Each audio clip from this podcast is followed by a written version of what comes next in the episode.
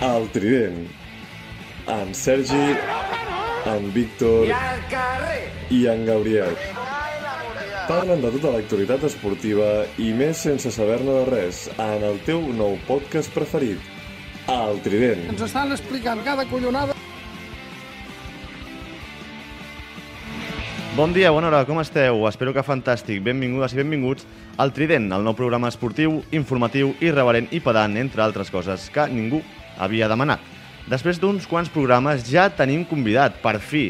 I quin convidat! Avui no és dia per repassar els esdeveniments esportius més sonats de l'actualitat vertiginosa amb l'anàlisi més professional, sinó que és dia per parlar i reflexionar amb una de les veus més reconeixibles de tot el paradigma radiofònic esportiu català.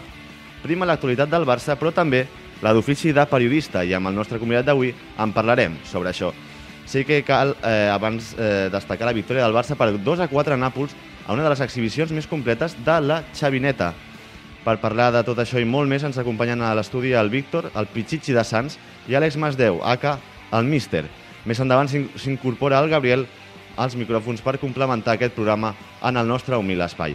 Que sapigueu que en breus ens podreu escoltar també directament a la web de la xarxa de ràdios comunitàries de Barcelona, una web comunitària independent, fora de les urpes esgarrifoses de les empreses que només fan que buscar fórmules per crear-te addiccions perquè estiguis tot el puto dia enganxat o enganxada a una pantalla per ficar-te anunciants. Fet aquesta promo, a modus de spam, comencem, doncs, evidentment, amb el repàs informatiu o amb el Barça-Nàpols.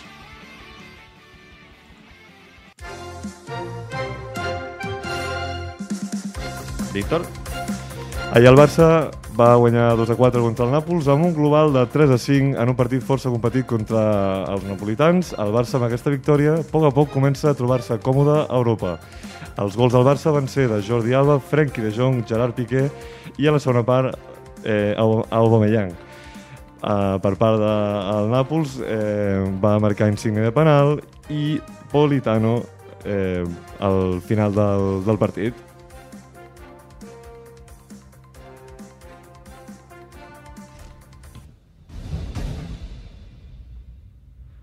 Bon dia, bona hora, com esteu?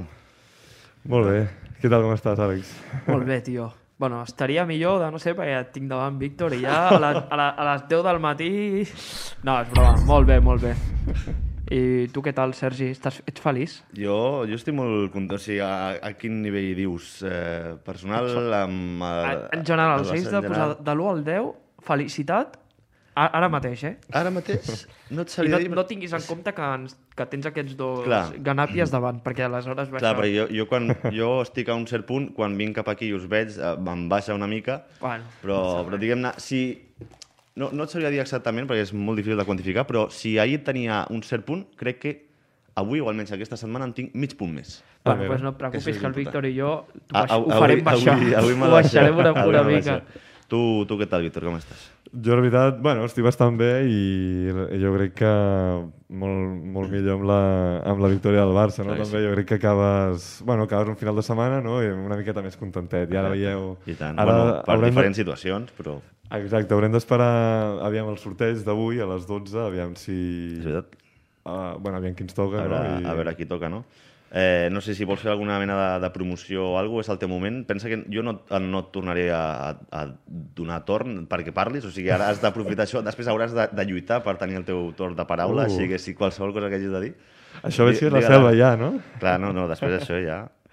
No, bé, la veritat que jo, més que res, dir-te com, a, com a anàlisi així del, del partit del Barça d'ahir, jo crec que va ser un molt bon partit i com, com ara comentaven el, en aquest petit repàs informatiu, jo crec que a poc a poc, o sigui, el Barça amb aquella victòria, més enllà dels resultats, sinó amb les sensacions, jo crec sí. que va fer un molt bon eh, partit i, i a poc a poc, doncs mira, doncs, eh, ja comencem, no, no voldria dir a tema a, a, als grans rivals d'Europa perquè encara estem molt lluny, però eh, a part d'això, a poc a poc, eh, doncs, doncs anem fent. I a més es, també es va mostrar a la, a l'anada que a la segona part sobretot van ser més superiors que el Nàpols. Sí.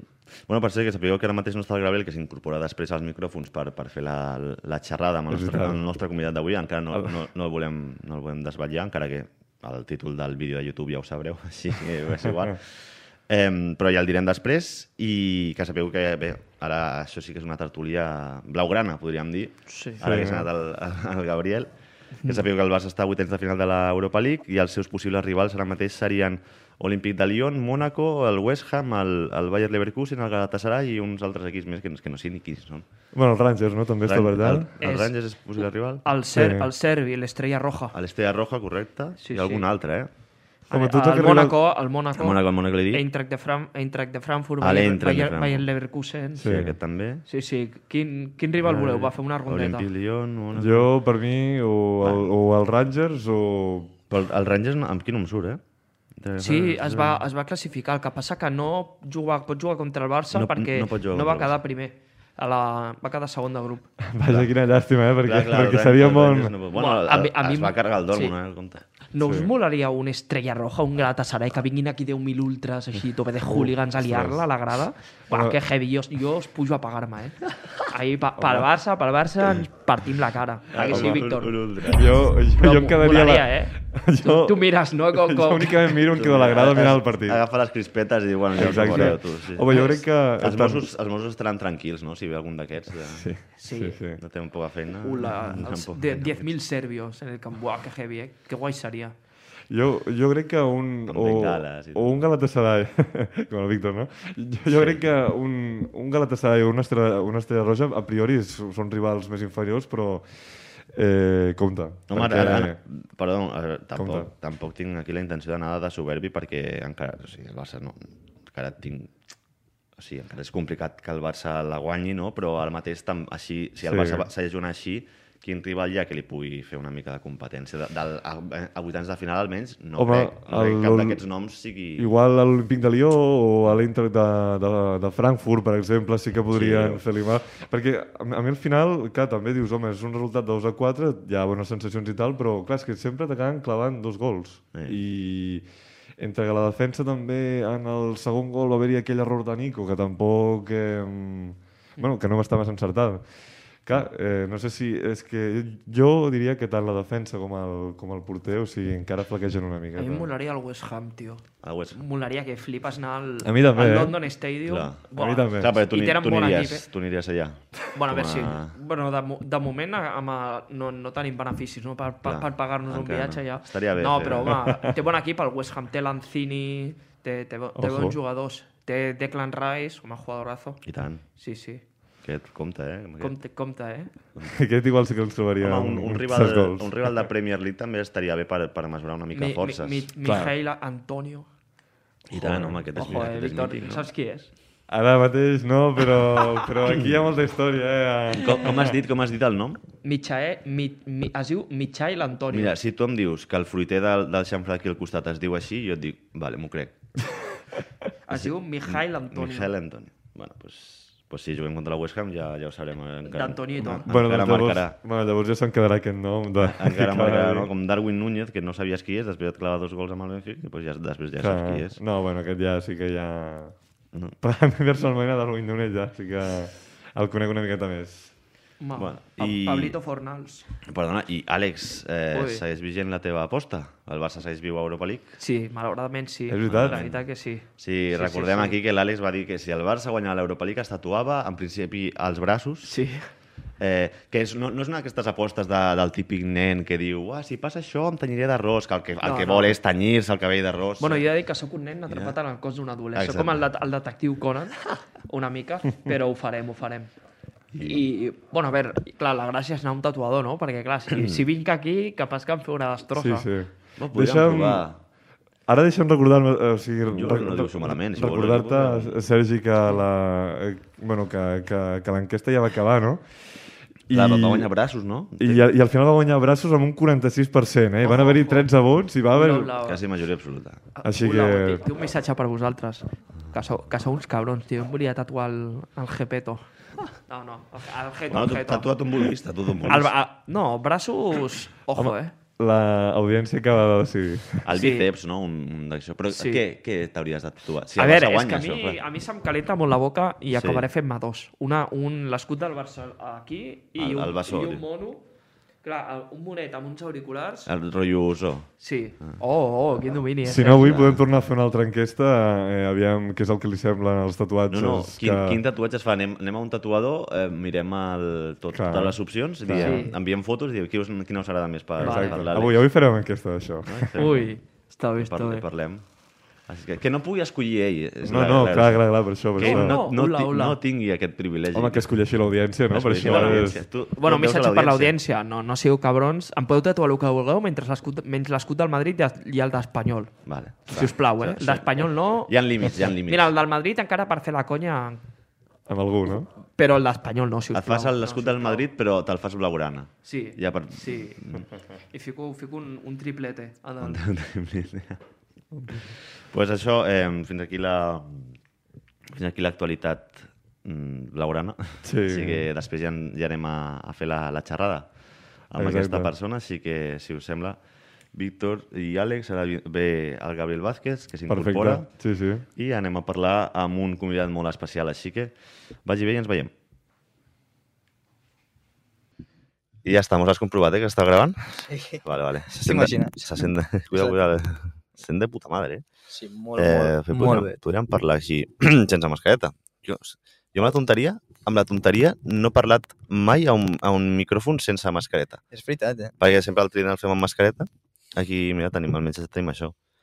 Tenim com la, la funda aquesta, que és com, que és com un condó de, Ah, ah. de, del micro. Exacte. És que, tio, La funda protectora, no? La funda protectora de- del- d'això. Estem a un estudi diferent, no sé què tal, nois, com, si us agrada o què. Home, a mi personalment sí que m'agrada. Igual no és per jutjar, però sí que m'agradaria... O sigui, està molt més bé que a Vilaurània. Sí, este, és semiprofessional. Gabriel, se't sent tot, eh? El... se't sent l'àudio, eh? sí, Claro, claro, que, és que aquests micro... Home, clar, estem a un, a un entorn ara que està Claro. completament insonoritzat.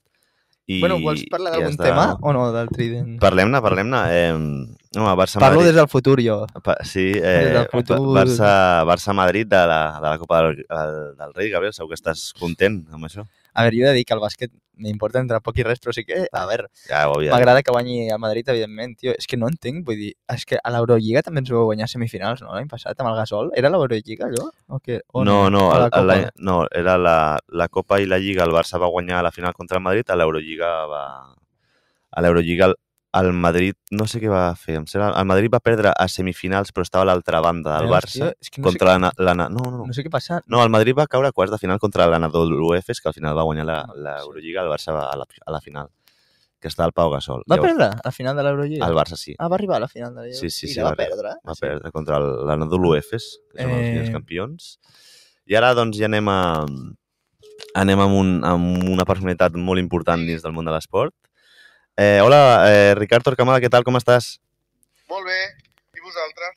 Bé, bé, fantàstic. Home, estem encantats de, de tenir-te aquí a, a l'estudi, de tenir-te al Trident. La veritat que eh, estem una mica en xoc i tot de com hem pogut arribar a concretar aqu- aquesta entrevista i bé, primer de tot et volia preguntar eh, com, com està tot dins de, dins de Can Barça, si ara hi ha, hi ha molta feina. Ui, a Can Barça sempre hi ha feina. Això, passi el que passi, sempre n'hi ha. I sempre passen coses, sempre està tot ben mogudet. Eh, I saps què passa? Com que hi ha examen cada tres dies, la realitat va canviant cada tres dies. O sigui que avui bé, dijous ja t'ho diré. Doncs bé, Ricard, eh, moltes gràcies per, per assistir al nostre programa. Eh, bé, jo, jo primerament em volia preguntar, eh, fent una mirada cap al passat, eh, quines diferències veus no, entre el Barça de Koeman i el, i el de Xavi? Què és el que ha canviat? Ha canviat que eh, tinc la sensació que Xavi eh, eh, connecta millor amb la nostra mirada. Estem més educats per entendre el que proposa Xavi que el que proposa Koeman. Eh, Uh -huh. Xavi s'identifica amb una idea que nosaltres tenim molt assimilada, molt interioritzada, eh, que ens sentim orgullosos d'ella, amb la qual hem, hem guanyat, Mm. i que ell defensa, diríem, sense puts. El cas de Koeman, des del punt de vista ideològic, futbolístic, eh, era molt més pragmàtic, era Sí. eh, un entrenador que tenia una altra, una altra mirada i això ens costava més de, de connectar. I ara jo crec que hi ha una mica, hi ha més connexió, hi ha més empatia, hi ha més paciència Mm. i hi ha més eh, capacitat per assumir els cops, com si aquest projecte fos més a, a mig termini i ja ho he assimilat i que el tema de Koeman era un, era, tothom com tenia consensuat que era una Mm. qüestió provisional, que no era una cosa permanent, no? Sí, sí, i ara eh, fent una mirada cap al futur, eh, veus eh, possibilitats reals que el Barça es classifiqui de cara a la Champions de la següent temporada? Sí, jo crec que ara Eh. això està molt encarat. Mira que jo durant tota la temporada he estat bastant pessimista o escèptic, Sí. però la sensació és que els fitxatges de- d'hivern han canviat l'equip, que l'equip comença a fer passes endavant, que s'han recuperat jugadors com Pedri, que també han ajudat. Eh, esperàvem recuperar-nos i no hem pogut, però, però, però el, ca- la recuperació de Pedri ja també ha estat un, com un fitxatge i que l'equip se sent, Mm. se sent millor. Eh, I, per tant, saps què passa? Que tampoc no estem acostumats a lluitar per, la, per les quatre per la Ja. quarta plaça. I quan lluites per ser campió, tens la sensació que no pots fallar mai. I quan lluites per altres objectius, pots tenir ensopegades i continues lluitant per aquests objectius. Això és com els que lluiten per la permanència, Mm. que Sí, poden sí. estar cinc partits sense guanyar, sense guanyar i tens la sensació si la teva realitat ha estat una altra, que te'n vas de cap a segona i després guanyes dos partits i amb aquells sis punts respires. Doncs eh, per les coses de Champions li passa com al Barça o l'Atlètic de Madrid, que poden entrebancar moltes vegades i encara continuen eh, tenint opcions. No serà fàcil perquè hi ha molts equips implicats, però jo crec que, que el Barça ho té absolutament a l'abast. Fins i tot et diria que, que hauria d'intentar aspirar a ser segon. Per exemple, Exacte, Lliga, és- Eh? Vull dir, no conformar-se amb la quarta plaça. És el que anava a comentar jo, que ara no només, no només ha passat ja a l'Atlètic de Madrid i tal, sinó que jo crec que, com es diria col·loquialment, eh, ha remuntat el vol, no? Eh, ja està... Estem veient que està fent un, un, un joc més sòlid, no? que està jugant millor i tal, i, home, com es despisti el Sevilla i el Betis baixarà segur, jo crec, doncs ja serà cap, a, cap amunt, eh? I cuidado perquè, a veure, no crec que guanyi la Lliga, però segon, tercer, potser sí que quedarà. La, la crec. podria arribar a competir la Lliga, creus? És que el Madrid és molt lluny. Mm. Eh, jo crec que el Madrid, jo crec que el Madrid, jo crec que el Madrid s'encallarà. Eh? Jo tinc la sensació que el Madrid eh, aquesta Sí. lliga li serà molt llarga perquè l'han vist guanyada molt aviat, ells no són regulars, eh, és un equip que té que li costa, que, vull dir que no és un equip que vagi sol i, i la sensació és de dir eh, quantes vegades l'haurem de guanyar per guanyar-la, no? Eh, quantes vegades tindrem, tindrem la necessitat de confirmar-ho. I per tant crec que el Madrid pot tenir moments de patiment, però tot i això el Barça està prou lluny com perquè el Barça, perquè al Barça li està faltant regularitat. Estem veient brots verds, però encara no, he, no ha encadenat eh? i jo crec que li costarà encadenar una sèrie de victòries consecutives perquè no, encara no està no és un equip que tingui prou eh, prou estabilitat eh, encara és un equip immadur que ens ensenya què pot ser però Mm. que li costa ser-ho ara mateix eh, d'aquí un temps eh, ja, ja ho podrà ser però ara, ara mateix encara, encara no però sí, com dèieu, Sevilla i Betis eh, són equips que tampoc no no, no poden tenir una regularitat en l'excel·lència, encara que estiguin fent una molt bona temporada. Tenen, eh, el Betis té la Copa, tots dos tenen l'Europa Ja. League, eh, són calendaris molt exigents i és possible que eh, el, la, la lluita per la segona plaça jo la veig oberta, Mm. però la, la, la de la Lliga la veig, la, la veig lluny. Però és que realment és això també. Una... Fins a quin punt et renta cada segon si tampoc guanya... O sigui, si tampoc s'ha de guanyar la Lliga, què més dona realment cada segon que quart? Perquè a- a Champions entres de les dues maneres, o sigui que... Bé, la, la segona plaça et dona el privilegi, entre cometes, de jugar a la Supercopa. Bueno, clar, és veritat. que són Sí, és veritat. pel club i, i, i, i, i és el tema aquest de l'Aràbia Saudita i tal, Ja. Que, que segurament interessa més des del punt de vista econòmic al club i de projecció Clar. que no pas des del punt de vista Clar, clar.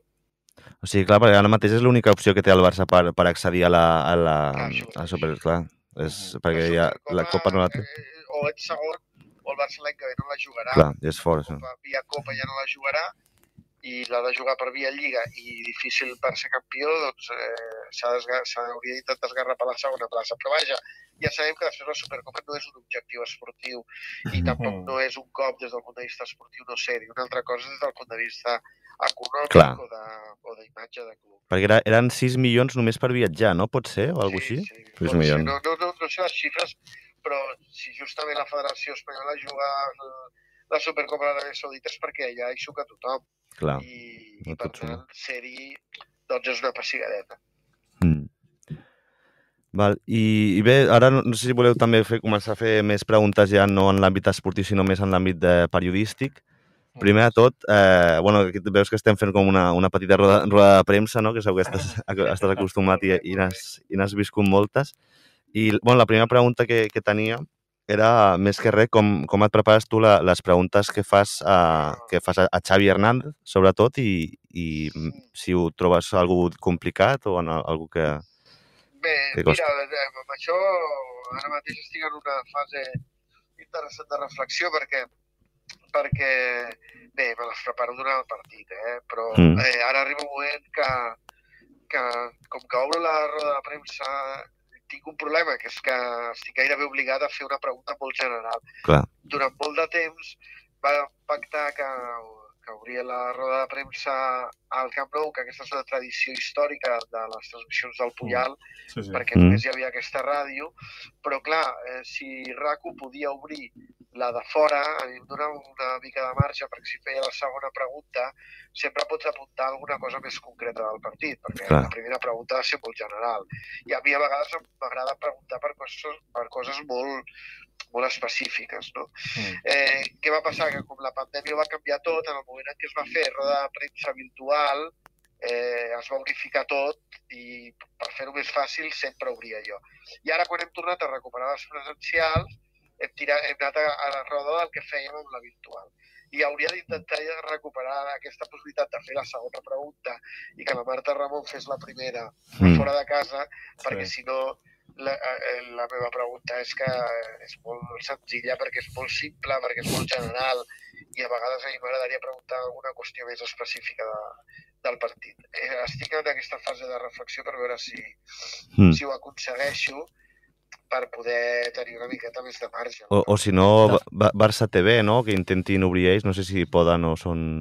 També seria una opció, drets. però Ah. Barça TV crec que crec que les rodes de premsa postpartit no hi són. Val, Crec clar. Que no. Que sí, Crec que no, no. crec que no, perquè no sé si tenen No, els drets tenen o... interview. Tenen, Vale. tenen la conversa amb l'entrenador particular i aleshores Val, la clar. no la. No, de fet, eh, la següent pregunta anava en relació a això que acabes de dir tu, que molts entrenadors es queixen doncs, que els periodistes no parlen de futbol o que no els pregunten de futbol o del Sí. partit i que busquen més aviat el sensacionalisme, no per així dir-ho, com més la polèmica i tal. sí, tu què sí. en penses d'això? Tu intentes evitar això? Tu... Bé, Mm. això és una cosa molt personal, però a mi és que no m'ha interessat gairebé mai la polèmica i m'ha interessat els perquès, perquè són els que m'ajuden a interpretar el joc i a fer la meva feina com a mi m'agrada, perquè és el que a mi m'interessa. És a dir, jo entenc que aquí cadascú tingui els seus interessos. Quan tu t'enfrontes una roda de premsa has de saber respondre tot el que et preguntin i les que t'agradin més, doncs t'hi esforces més o, o t'allargues més i les que no t'interessin les, les triples. Això forma part del relat eh, del que tu tinguis i de la capacitat comunicativa que tu tinguis. Eh, a mi les preguntes de polèmica doncs no m'interessen. Ah.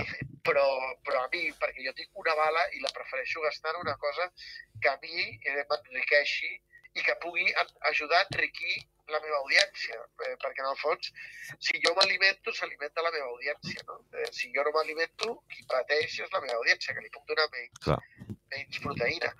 Eh, per tant, aquí entenc que jo sóc molt... Amb això sóc molt oberta, que tothom pregunti el que, el que cregui, però que ningú imposi el que ha de preguntar. Jo recordo una, fa molts anys una roda de premsa a Cornellà al Prat, un partit amb polèmica, amb uns penals i tal, que, que hi havia... Eh, nosaltres teníem... esta- Jo compartia tertúlia amb el Pedrerol al, Mm. Al matí de Catalunya Ràdio, que el feia el Fuentes, i l'endemà vam tenir aquesta conversa, perquè el Pedrerol deia com pot ser que fins la cinquena pregunta no, li, no, no, no es preguntés pels àrbitres, o sigui, com, que, que havien estat la, la foto del partit, no? Jo, jo, jo tenia, ell, tenia, ell tenia la seva mirada, no? Jo, jo, i vam tenir una reflexió interessant sobre la seva mirada i, potser, i en aquest cas la nostra. No? I jo li explicava que jo havia fet la primera pregunta i m'interessava més altres coses del joc. No? I ell em deia que, clar, i, i amb raó probablement, que la gent parlava del penal, no parlava de si el Barça havia tingut la pilota a la primera o la segona part. No? Bé, doncs cadascú, depenent del, del producte que tingui, del, de la gent que el consumeixi, o sigui, de l'audiència que té, del perfil, de, de la necessitat d'arribar a la massa i com arribar a la massa, doncs tingui la seva perspectiva. Jo crec que és molt legítim eh, que cadascú eh, enfoqui o vulgui. I els entrenadors que contestin a qui vulguin, com vulguin. Clar, és que ja, ja li anava la marxa al, al Pedrerol, eh? Ja li... clar, és que és això que t'ho Eh, diu. Però, però, però ell, ell amb això, eh, jo crec que no enganya ningú, Mm. és molt transparent, no? Sí, Vull dir, ell, ell, Exacte. eh, ell sap que, que ven com jo sé que ven. O sigui, Clar. en el fons són dues maneres diferents, però en el fons tots dos, o tots dos, o dic aquests casos com molts altres, eh? sabem que, eh, com volem enfocar la nostra, la nostra mirada. Jo crec que és legítima. Després la gent consumirà el que més li agradi, depenent de com sigui, Clar. eh, i depenent de com estigui i del que vulgui. Exacte. És que, com tu dius, al cap i a la fi és un producte, i és el que tu dius, és, un, és, és difícil trobar un, ter, un, ter, un terme mig, no?, perquè tu dius, clar, eh, parlo sobre, sobre allò de, de, lo, de lo qual la gent vol, vol escoltar, eh, és a dir, com per exemple l'ex- l'exemple que tu acabes de posar de Cornellà i tal, és a dir, parlo dels penals, de l'àrbit i tal, o parlo dels perquès de que el Barça ha tingut la possessió i tal, saps? Clar, clar. És difícil. De trobar un punt d'equilibri. Jo crec que l'has has de trobar el punt d'equilibri. I aquí, i aquí sempre hi ha la dificultat, eh, com en tota la vida, perquè, perquè tu has d'aproximar el màxim de gent possible a la teva, al teu producte, perquè en el fons estàs parlant per la gent, però també has de veure si vols intentar eh, amb el teu missatge transformar el que, el que sap la gent o si simplement els hi vols donar la gratificació del que volen sentir, no?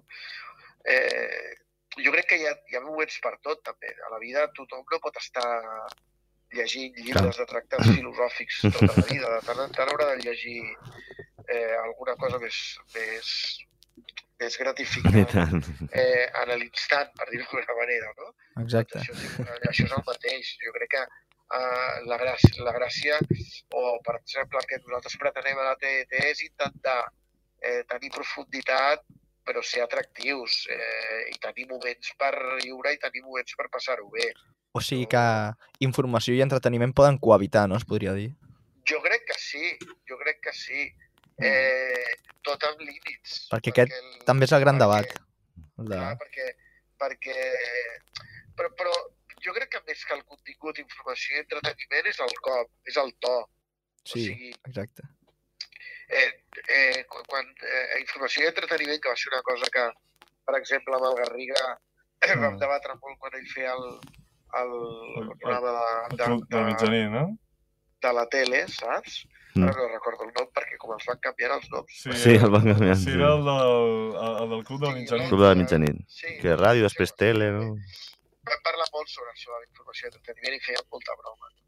Eh, però jo, jo que sóc partidari de, de parlar del joc i parlar de les coses de, del que són l'esport i no del que hi ha a l'entorn, que a vegades et genera més atracció, és més fàcil de consumir, és més digerible, jo crec que tu pots fer informació amb un to eh, atractiu, entretingut eh, i que sigui eh, agradable per qui ho escolta. És a dir, que no sigui avorrit, perquè a vegades Clar. tenim la sensació que la informació és avorrida i l'entreteniment és divertit. Hi ha entreteniment que és Mm. avorrit i hi ha informació que és divertida. Sí. O sigui, Totalment d'acord. eh, a, vegades, a vegades quan separem, separem pel contingut i no separem pel, pel to, eh, per la manera de transmetre, de comunicar. I jo crec que aquesta és una altra, una altra equivocació, una altra simplificació.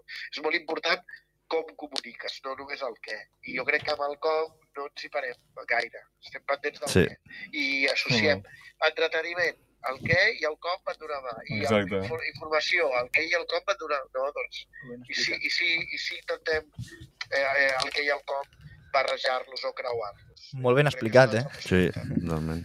La veritat és que és tal qual així. Eh, no sé si coneixes tu una plataforma que ara està molt de moda, està fent un boom completament, que es diu Twitch. Sí, mira, aquí a Bootroom, jo, jo, jo tinc una productora que es diu Bootroom eh, i, que, i que estem fa uns mesos fent eh, Twitch, eh, sí, sí que en faig, i, i faig la Champions eh, per Catalunya Ràdio, pel canal de Catalunya Ràdio de Twitch, dels partits que no són del Barça, per exemple, aquesta, el, aquesta jornada eh, fem, la, fem el Chelsea Lilla i el Villarreal Juventus, la setmana passada vam fer el Madrid PSG, i sí, sí, estic eh, experimentant. Soc un nou vingut absolut, eh? Però, però... Molta gent, molta gent ho és. Tinc un equip jove que m'ajuda a entendre en la manera de comunicar, que és un altre experiment que m'ha agradat molt, que és el, és com comuniques a Twitch respecte als canals convencionals. I Exacte. És una, és una experiència molt agraïda per mi. Jo crec que és una realitat que els periodistes actual, avui dia no poden reoir. De fet, tenim exemples com el Gerard Romero, no? que jo Clar, crec que és, és clau. el referent, el referent Sí. de tots, que és això que tu dius, que a més també el to és completament diferent, no? El, el Gerard Romero fa hacks i tal, i s'ha sabut reinventar. Vull dir que és, és una porta oberta, no? I és un canal més, és que jo la trobo una plataforma brutal. la veritat. I tant, és un aparador, és, una, és un canal que és gratuït, és un canal que no Mm. depens de ningú, que depens de tu mateix, que, que has d'intentar eh, també tenir clar què és el que vens perquè la gent que hi ha a l'altra banda a l'altra banda ho sàpiga i després saber com les fas servir. Tu pots fer servir amb molt més entreteniment que informació o molt més informació que entreteniment Clar, o vull dir que, que és, és molt, està molt obert eh, perquè tothom pugui fer el que, el que vulgui. A mi m'agrada aquesta sensació de dir eh, com enfoquem el... Jo, jo al Twitch de Bootroom fem coses molt diferents, fem coses molt informatives, fem coses molt de comunitat, fem coses de... Eh, de amb el tema de la Champions, d'anàlisi, però amb un to diferent. clar. Eh, bé, vull dir, eh, és un lloc per experimentar, és un petit laboratori Sí, totalment. que, que a més ens permet enfrontar-nos a, al públic. Bueno, en el fons aquí hi ha una emissió i un receptor, o Mm. més d'un receptor, i, i estàs fent un exercici comunicatiu. Clar, no? I, i, a, i a més també amb el, amb el to informal, no? que a vegades pot predominar en certs directes, no? per exemple el Gerard Romero ha aconseguit, eh, amb això ha aconseguit treure realment molt, bo, molt bons titulars que després els grans diaris esportius s'han s'han fet ressò d'aquests jugadors, no? perquè porta el Suárez, porta el Conrad de la Fuente o porta a qui sigui i una, una, una xerrada distesa acaba per, acaba per donar molt joc, no? encara que no, no ho sembli, i al final doncs, potser els jugadors Sí. diuen més informació del que, del que dirien. Que en els canals És que- tradicionals. Ah, És que hi cap, hi cap tot, però jo no crec que això és, és, o sigui, jo no crec que sigui tant el canal com el, la forma de comunicar. O sigui, el, el, el Gerard també bé, eh, podia fer això, eh, ho podia haver fet a la ràdio si a la ràdio li haguessin eh, ofert. És a dir, clar, eh, el Gerard podia haver fet aquest programa de RAC1 si algú li hagués ofert. Jo, jo, jo no crec que sigui tant el canal. Eh, simplement el que ha fet el Gerard és aprofitar i independitzar-se hm, i fer-ho a la seva manera en un lloc on ho pot fer com vulgui sense que ningú li digui com ho ha de fer o sense estar pendent de que algú li doni aquesta por- oportunitat, sinó que se l'ha Mhm. se l'ha agafat ell, no? ell tenia els seus contactes i té la seva, eh, la seva personalitat i amb això tira. El que vull dir que, que tampoc no hem d'associar, jo crec, al canal al to. Vull dir, clar. eh, no sé com dir-te, eh, podria l'Ibai fer un programa a, a la televisió convencional? Doncs no, No. ho sé, perquè, perquè, Mm. perquè no, no Igual no té les eines necessàries o... Clar, vull dir, no ho sé, no, no, no. Eh, el que passa és que estem, estem veient el que es fa a Twitch, però el que es fa a Twitch ara mateix són gent que agafa i diu no li ha de preguntar a ningú el que ha de fer, ho fa. I després allò té... La llibertat total. Clar, I quan passes a un canal tradicional, l'única diferència que hi ha és que ha d'haver-hi algú que t'obri la porta que tu facis allò. I a Twitch no, te l'obres tu. Jo crec que són les, les, les diferències. Però d'aquí 20 anys s'estaran fent programes com aquests a, a, a, a la televisió, com a, als canals tradicionals. Després el tema de la conversa. Jo crec que el tema de l'entrevista jo crec que està sobrevalorat el tema de l'entrevista. Jo, no, jo, no, jo he fet, eh, vaig fer fa uns anys al Parlament de Futbol amb, eh, amb Guardiola, Luis Enrique, Xavi, Koeman, Robert Martínez. Quins noms, eh? I jo recordo molt aquesta conversa amb gent de, Mm. amb amics meus i companys meus sobre... És que no hagués preguntat res sobre aquesta cosa d'actualitat, és que no m'interessa. Clar. No Exacte. m'interessava. Perquè jo sóc l'amo del meu producte, perquè ningú m'està dient què he de fer. Si jo fes un programa diari, potser hauria d'estar preocupat de que si no li he tret el titular aquell d'aquell dia.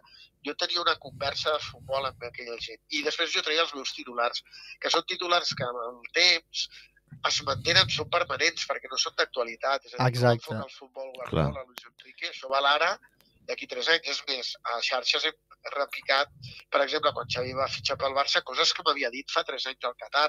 Mm. Eh, però en, en canvi, en aquell moment, jo no li preguntava per les declaracions de Messi d'aquella setmana o perquè aquella setmana Luis Suárez havia fallat un penal o era suplent. Sa- Sabeu el que vull dir? Clar, no, no, Eh, sí, valoracions més, no, que el, el, o sigui, en el, a, a llarg termini són Sí. millors. A mi personalment em reconforta més una conversa Molt bé, molt bé. que, que transmet més eh, el convidat en una conversa que en una entrevista on a Exacte. vegades fa la sensació que li hagis de treure el que tu vols treure. I en una conversa ell diu el que ell vol dir. A més, d'actualitat ja parla tothom i és com una mica Clar. cansí, una mica com la política. Una mica d'infoxicació, no?, poder amb, amb tanta, tanta accés d'informació sobre actualitat esportiva. Sí, sí. I bé, també et volíem preguntar sobre el tema de...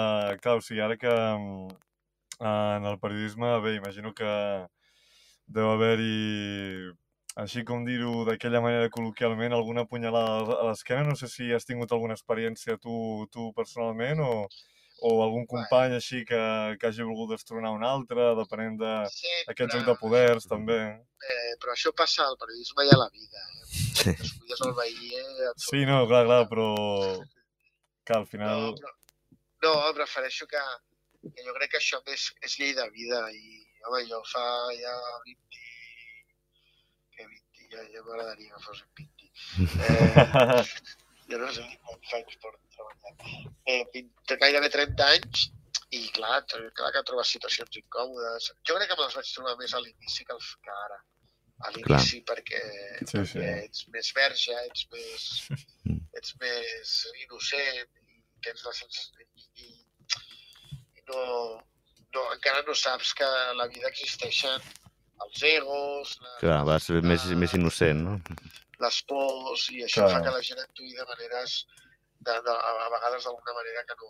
Després passa el mateix, però ho entens més. Sí, jo sí. molt amb aquestes coses, és a dir, quan em trobo algú que em fa o que intenta fer una traveta, normalment Mm. empatitzo amb ell, perquè penso perquè me l'ha fet. Sí, perquè, Pobrecit. perquè no, segurament no me l'ha fet perquè Ja. ell hagi nascut amb dos banyes i una cua d'or Clar, clar. sinó perquè, sinó perquè o ha tingut una por, o ha tingut una necessitat, o ha tingut una frustració, o ha tingut alguna Mm. cosa.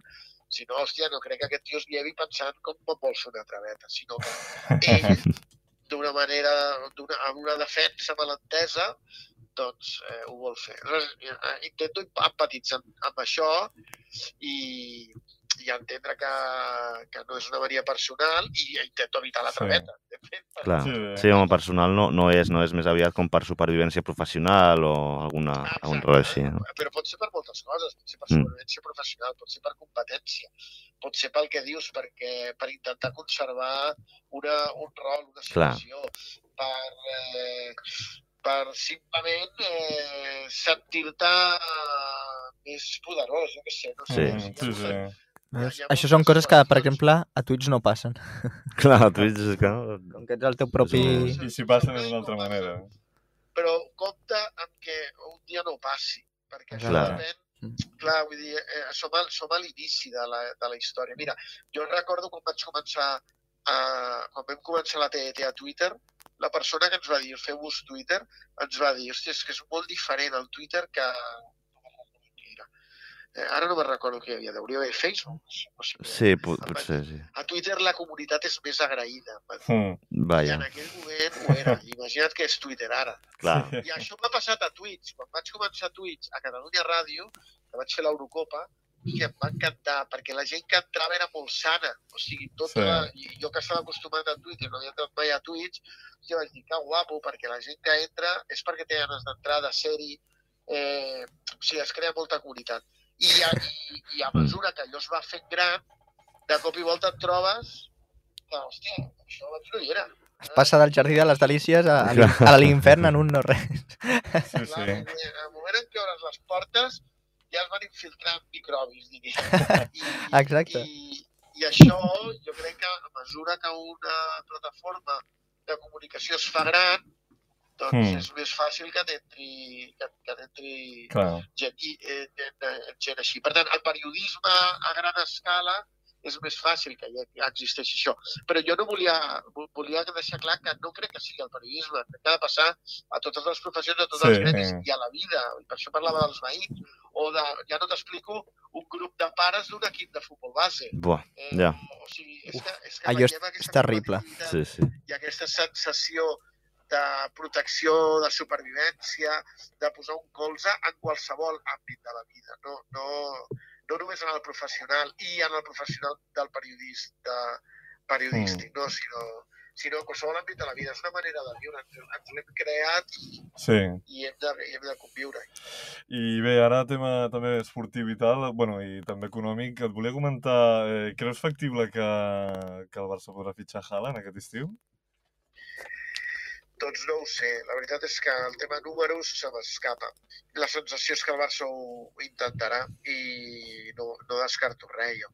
Però Clar. també vés a saber què vol Haaland o el pare de Haaland. O... Que també hi ha el tema, el tema dels agents, els agents i tal, això ja és una opinió més personal, però és que jo ho trobo tan tòxic, és a dir, que és, Sí. és com el dels agents immobiliaris, no? I, és a dir, és que aquí tothom busca trincar com pugui al màxim, explotació del jugador, ve, Sí, vetllen pels seus interessos. És mercat pur. Fixa't que em parles Sí. d'immobiliaris i de- d'allò que és mercat pur. Tot, tot, tot això és mercat pur. I Exacte. és oferta-demanda. Eh, ara intento, com dius tu, pujar una miqueta més. La necessitat de comprar de l'altre, la necessitat de vendre. Eh, ara no baixis, ara regateja, ara pots baixar, ara pots pujar. Sí, sí, és, és, és, és la llei del mercat. Eh, I quan hi ha llei del mercat hi ha, hi ha gent, hi ha comissions, hi ha gent que, que es lucra i, i, i el comprador ha de mantenir-se ferm amb les seves conviccions. Uh -huh. Eh, però sí, sí, eh, tot, el que és una, tot, tot això del mercat futbolístic no és fàcil. Clar, no, ha, a més perquè és que tenen molt, molt poder i hi ha alguns agents que realment són els que marquen la, la carrera del seu futbolista. No sé si saps algú del cas Ilaix Moriba, per exemple, però, però un, un jugador jove que estava al Barça i a la selecció espanyola passa a estar al, al, cedit al València i jugant amb, Sí, sí. amb una altra El selecció. problema és que fan, el el fan cinc partits. Com, com molts altres casos, a vegades responen a que són agències internacionals i les agències internacionals no coneixen el món local. I aleshores eh, diríem que ho fan tot amb la lletra gran, no la lletra petita. I, per tant, l'agència internacional no pensa en si l'AIS s'ha educat a Barcelona, quina és la situació de Barcelona, eh, eh, quina arrel, arrel té en Barcelona, què significa pel Barça que l'AIS marxi, eh, què significa per l'AIS marxar, sinó que de, decideix a gran escala, perquè ens entenguem. Clar. I jo crec que això... Jo... El mateix que amb Dembélé, i, quasi. sí, I a curt termini també sempre, no? Sembla? Exacte, jo a un jugador no li, no li aconsellaria gaire una agència internacional. Evidentment que té molts contactes i no et quedaràs mai sense equip, perquè per això és internacional. Però alhora no sé si està cuidant exactament el que Clar. tu vols o el que tu necessites, perquè depèn de cada jugador també. Doncs potser un jugador no vol tenir arrelament a Sí, cap sí. lloc i vol, i vol viure, eh, diríem, a, a gran escala i no a petita escala. Vull dir que en el fons hi ha jugadors que, que ja els hi vagi bé, eh? Però que és el cas d'Ilaix. Les decisions les van prendre una agència internacional i, i la, les necessitats que tingués Ilaix de continuar no van, no van ser prou valorades o és que Ilaix no, tampoc les valorava gaire. Vull dir, que Clar, no. aquí, allà o a l'altra banda. Però és que això tampoc no ho sabem. I bé, també amb el... Bé, en el cas que Holland acabés arribant al Barça, a més aquests reforços d'hivern com Adam, Aubameyang, Alves, eh, Ferran Torres, més aquesta, ja podem anar comentant consolidació dels joves com Pedri, Nico i Gavi i, i també els altres com Ansu Fati si s'acaba recuperant. Creus que eh, ja es comença a formar un projecte més sòlid de cara a competir per, per més títols? Sí, jo crec que el Barça té molt futur no sabem el present que té i jo crec que encara no té un gran present, però té un gran futur, sí tant. Sí, el Barça està començant un, un projecte, un cicle i, i és veritat que hi ha moltes posicions que encara s'han de reconstruir, eh, gairebé des de l'inici, però home, l'equip, si només repasses tots aquests jugadors que has dit, que tots són molt joves, i, i, i ens deixat Araujo, eh, Mm. o sigui, hi ha, hi ha Sí. futbolistes joves en totes les línies. L'equip només, no, només pot anar cap amunt, o sigui, és un equip que té, que té un gran futur per davant. Ara falta veure com gestiona el present perquè no es, que, perquè no es destrossi res Que llavors... arriba al futur. que llavors veus una, una dècada eh, ben, ben, ben bona igual del Barça. Sí, si és capaç de mantenir aquesta continuïtat, tenir els futbolistes... De... Les bases s'estan posant. Clar, bueno, i nhi què, perdona? Que les bases s'estan posant. Ja. Exacte. ja comença... Dóna la sensació que el Barça ara ja pot competir. Eh, Sí, comença sí. a poder competir ja amb qualsevol equip, quasi. Sí, bé, eh, hem d'aconseguir que no es torci, que, que el present eh, no, no, no vulguem córrer més del compte, que el present passi les seves fases i que, com dius tu, si ara pot competir amb equips grans eh, però no prou regularitat, d'aquí un temps ho pugui fer amb regularitat i després pugui guanyar, és a dir, aquestes fases jo, jo hi crec molt en els projectes eh, que es cuiden a foc lent i que passen tots els processos i per tant hem de passar per frustracions, hem d'entendre que encara potser ara no som al millor nivell, que d'aquí un temps ho podrem estar, eh, és a dir, no voler córrer més del compte, perquè quan corres més del compte després caus, Sí. eh, és a dir, t'has saltat alguna fase. Exacte. I el Barça sempre, els processos sempre han estat molt, molt naturals i molt ben construïts i, i han estat eh, han estat guanyadors quan hem passat per tota aquesta fase. No, no li passa a tots els clubs, però en el nostre cas, sigui per les característiques futbolístiques que tenim o per la Sí, nostra sí. naturalesa, és una evidència. I ja per, per anar acabant, que no, no ens robem més temps, que ni portem un, una bona estona, sí que ens agradaria saber el, el joc d'influències que hi ha, eh, almenys dins de, de l'àmbit de, en, en els mitjans esportius espanyols, no? i si tu sabries dir més o menys quin és el paper que, que fa cada mitjà o el, el poder d'influència que té cada, cada mitjà o coses Sí, així que et per- sàpigues Perquè es internes. filtren a vegades certes coses o Sí. tal, fins a quin punt són certes i totes aquestes coses. No ho sé, parles de Madrid ara, m'estàs parlant. Eh? Eh, sí, parlaré de Madrid o, bueno, sí, a Barcelona també, eh, sobretot aquesta competència que a vegades pot hi haver entre el grup Godó, la Corpo, RAC1, Catalunya Ràdio, alguna cosa així. Bueno, jo, jo, bé, jo, jo crec que aquest joc és més natural del que ens imaginem a vegades, o, o com et diria, a vegades pensem que hi ha més coses enrere, al darrere que de les que hi ha. Sigui, o sigui jo a vegades penso que, que, que no, o sigui, no, no sé com dir-ho. Tenim la sensació que hi ha més al darrere del que hi ha, que a vegades no hi ha tantes coses, ni hi ha tant joc de poders ni d'influències. Evidentment, el Barça o el Madrid o els clubs s'ajunten o s'apropen a, a grans motors de comunicatius perquè són els que generen Clar. influència en la massa social. Això és una, això és una evidència, va passar al futbol o a la política. No? Però a partir d'aquí eh, hi ha mitjans que potser diríem que es, que es, que es lliuren més o s'entreguen més, i, però n'hi ha d'altres que mantenen més la seva independència. Per dir-ho d'una manera, a mi, jo als meus anys a Catalunya Ràdio mai em va trucar ningú del Barça per dir-me, i jo vaig ser cap d'esports per Mm. dir-me que diguessin allò, que no diguessin allò, que, que, Ja. que havíem dit. No, no, jo no m'he trobat mai en aquesta, en aquesta situació. Eh, i no dic que passi, que no passi, eh? estic segur que sí que deu haver passat alguna vegada, però que no està, no està tan a l'ordre del dia com a vegades ens imaginem, des del meu punt de vista. Eh?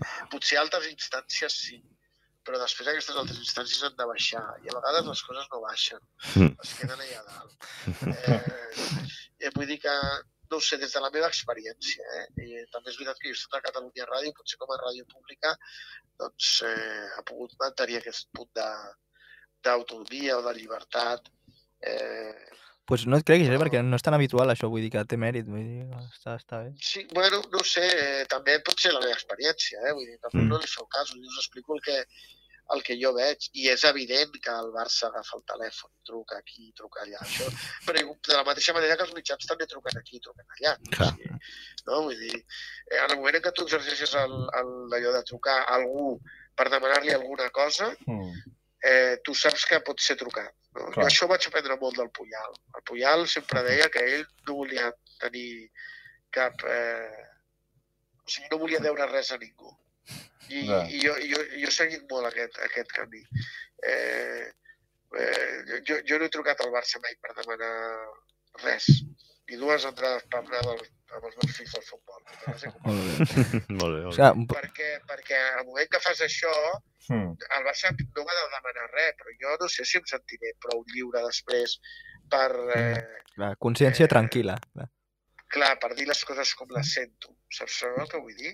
Sí. A vegades ja passa amb una relació personal. No és fàcil. Tu tens una bona relació personal amb algun actor, eh, actor de futbolístic, vull dir, Mm. eh, i després has de valorar la seva Clar. actuació i ja costa separar la part personal de la professional. Eh, doncs imagina't amb una institució o amb, els, o, no? o amb, o amb el poder d'una institució. El millor que pot ser és no tenir gaire relació amb aquella institució. Clar, sí, sí. Clar, clar. què passa? Que aleshores estàs lluny de la informació, no? Sí. Mm. Però et pots tenir altres maneres d'arribar a aquella informació, jo crec, eh? Però vaja, això depèn molt de cadascú. Jo a vegades em torturo molt amb aquestes coses i la vida és més fàcil. I la, la gent a la vida es demana favors i, no, i després no se'n recorda que te'ls ha demanat. Vull dir, també Sí, hem trobat, sí, no? Que algú et demana un favor i quan tu el demanes aqu- aquella persona sua i dius, hòstia, Sí. perdona, però és que un dia em vas demanar jo i et vaig ajudar i Sí, sí. Bueno, ja, no, Però- ja no li dius, però pensa, ho penses, no? Sí, Hòstia, poca memòria. Jo, no- jo, jo no he tingut aquest comportament amb tu, perquè el que... I a mi això em tortura i hi ha gent que li és igual. És que, és que si un dia ja no se'n recorda. Vull dir que això depèn també molt de com és cadascú i de, de la consciència de cadascú i de com està educat cadascú, ja no de, de com viu o com treballa, sinó de quina és la seva base eh, d'educació i, i sobretot el respecte cap a, cap a tothom. Eh? Vull dir que jo, quan dic això, no estic dient que els que fan això són pitjors o millors, no. Jo, jo torno a dir el mateix de la traveta. Jo empatitzo amb tothom. Ara, jo a mi m'agrada funcionar com a mi m'agrada. No que em diguin què he de fer, sinó decidir-ho jo per estar en pau amb mi. Sí, i això sí que és una mica putada perquè en el sol fet ja de treballar per un, per un grup, eh, com es diu això, per un grup de mitjans, jo crec que ja estàs una mica, un xic condicionat, perquè clar, ja com que marquen la línia editorial i tal, i bueno, és el que dèiem.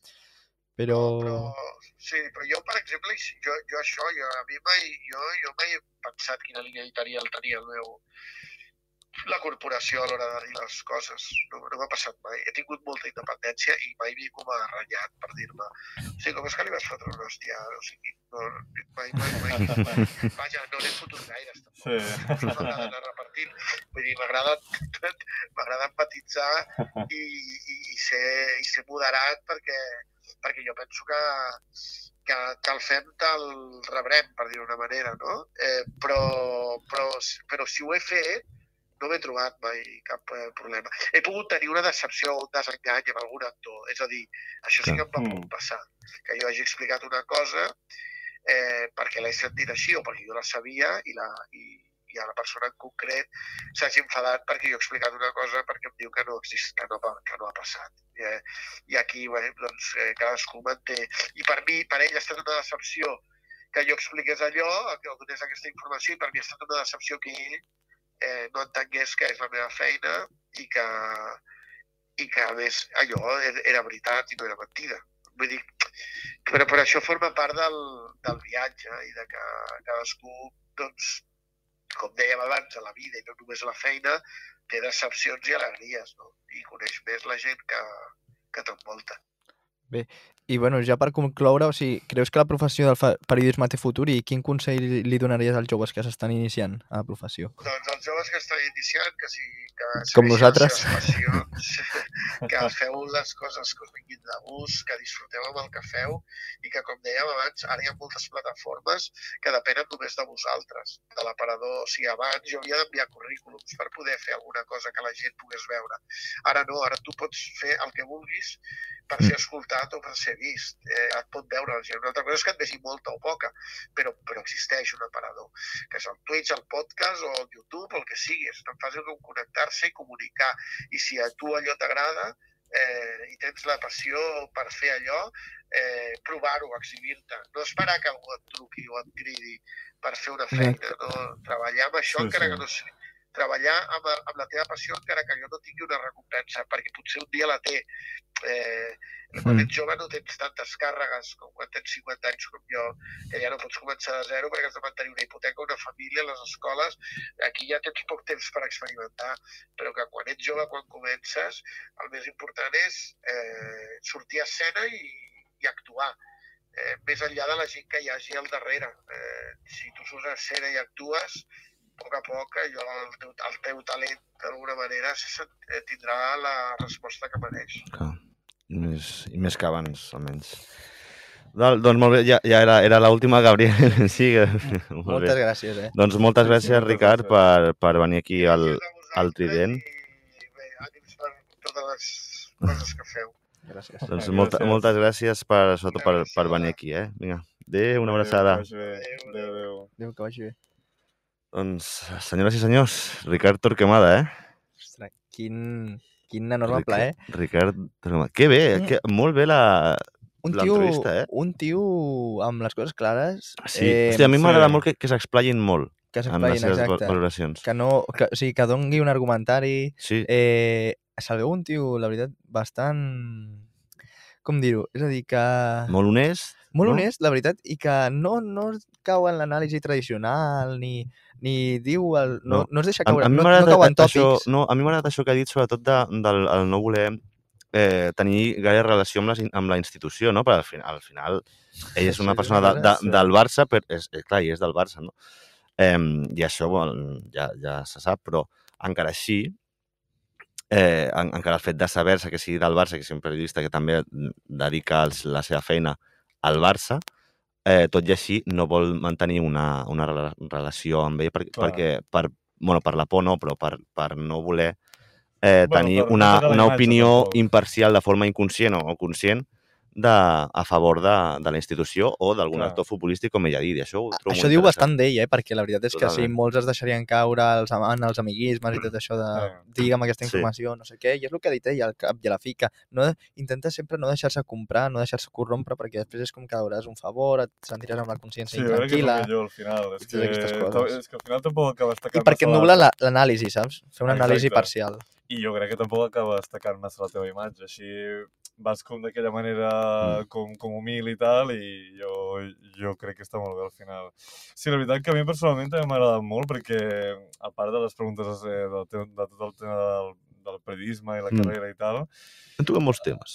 quan a tema esportiu també ha estat molt... O sigui, que, que, que també s'ha desplayat Home, bastant. i entén, el tio ja entén. I, Sí, sí, home, sí, sí, sí, porta uns, uns anys treballant i per cert que, clar, ara, ara que havies dit no, del, del tema del, dels joves periodistes, Gabriel, ara una, una pregunta que hi ha sobre, m'ha vingut ara, creieu que el, el Trident ara, sobretot amb, amb aquest tipus de, de xerrades i tal, es, eh, Sí. es considera un programa amb cert, de cert caire periodístic?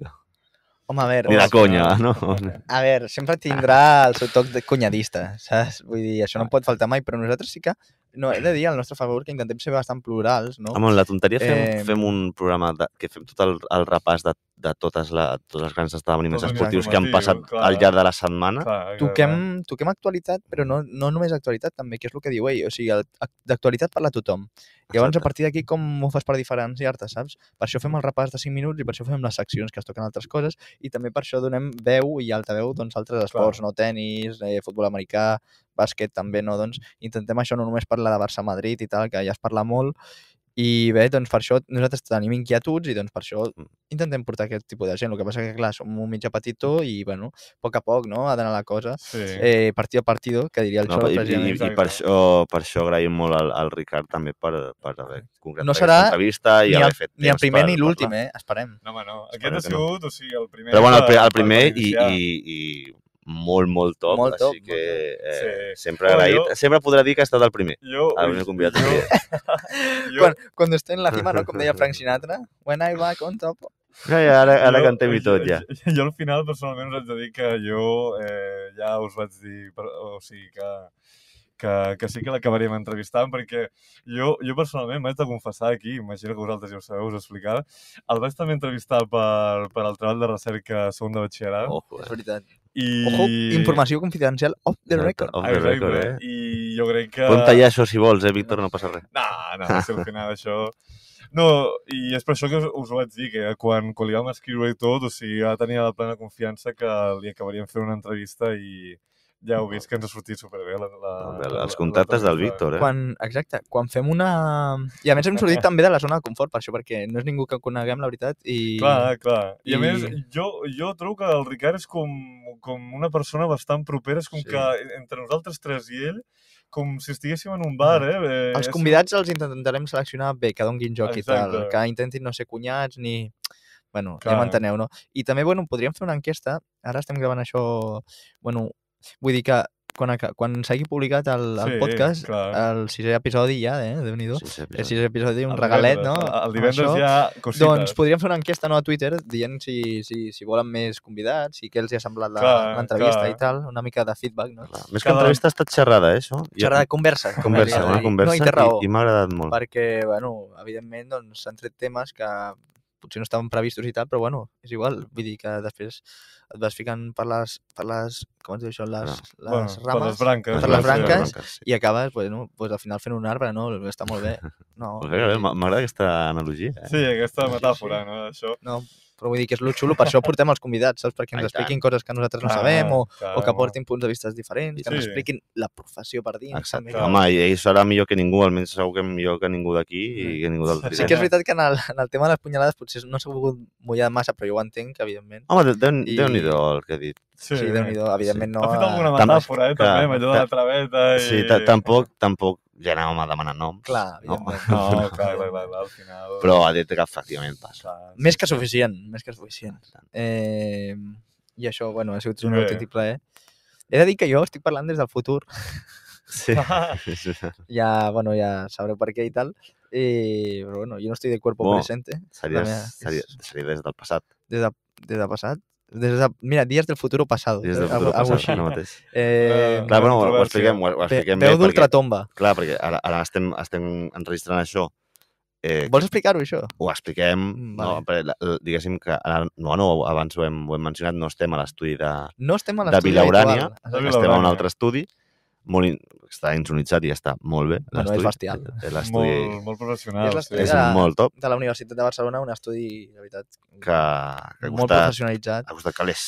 Ha costat calés I bé, o sigui, no és perquè tinguem cap disputa ni cap desavinença amb Vilaurània, simplement no. Per ajustar tema horaris, l'entrevista tampoc... Clar, Eh, eh, li estem fent anava molt bé el horaris i com, com això és un podcast, no és en directe, doncs, mira... Eh, el- Tampoc es notarà, eh, al final. Tampoc o es notarà, per Podríem tant, fer, de fet, aquesta setmana això i- dos, dos episodis, Bueno, de fet. Saps? Sí, pràcticament, perquè és que ha durat l'entrevista, què? Més de mitja hora. Sí, Ja estem parlant, ja havíem parat una mica abans. Estem, sí, és sí. que, és que ens, al final ens sortirà Això ja veurem com ho gestionem i tal, però bueno, que- l'important Sí. és que el treball brut, per així dir-ho, ja està fet. I tant. Doncs molt bé, si us sembla ja anem, anem tancant aquest eh, capítol. No sé, faig, faig com una, de- una despedida de, de capítol, no? Sí, sí. Sí, de, de capítol Això és- 6. Això és per tallar-los el, els Els pebrots pebrots i penjar-los de... Os, Jaume Creixell, com ho veuríeu, el Trident?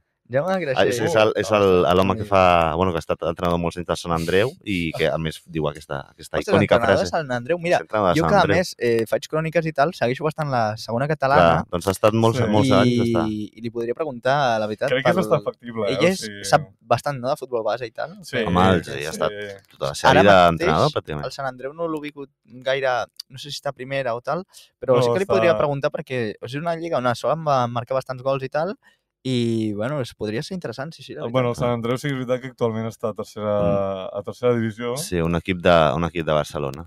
sí no. és un dels equips més potents de Barcelona, juntament amb l'Hospitalet, l'Europa, el Sants. Jugar, no? han jugat El com el Sants, rei, bé, no? Víctor, el Sants li tens ca- carinyo. El Sants també, sí. Doncs, val, si us sembla, doncs ho deixem aquí. Eh, moltes gràcies per, per ser-hi, Gabriel, Víctor i sobretot a- al Ricard Torcamada, que realment ens, ens ha fet moltíssima il·lusió parlar amb ell. Això ha estat el capítol 6 de, del Trident. Ja sabeu que ens podeu escoltar eh, tant a, a YouTube com a iVox i a partir d'ara ja segurament podrem, doncs, podreu escoltar A Ràdio Farro. a, a Ràdio Farró, a la xarxa, a la xarxa independent, que ja us explicarem com va, però sobretot Independent, ens faria però comunitària. Eh? comunitària, una xarxa comunitària, ens faria molta il·lusió que ens podeu escoltar també des d'allà. Doncs fins aquí ha estat el programa 6. Moltíssimes gràcies per ser-hi i adeu! Adéu. Adéu. Això és per fotre's una tallada a pebrots a tots i penjar-los a la plaça Catalunya. No hi ha dret amb això. És una vergonya. Una vergonya. ¿Pero qué no locura es esta? ¡Por Dios! ¡No puedes permitir esto! Vas a llorar, Dudu. ¡Josep, no puedes permitirlo, tío! Por favor. ¿Qué, qué estás llorando casi? ¿Porque dónde vas? Mi novia me ha dicho, estás buenísimo. Mi novia me dice eso. Ya, Te lo juro, que- ¿eh? Ah, Está grabado, ¿eh? Mal que prenc una pastilla abans de vindre. Chao, chao, chao.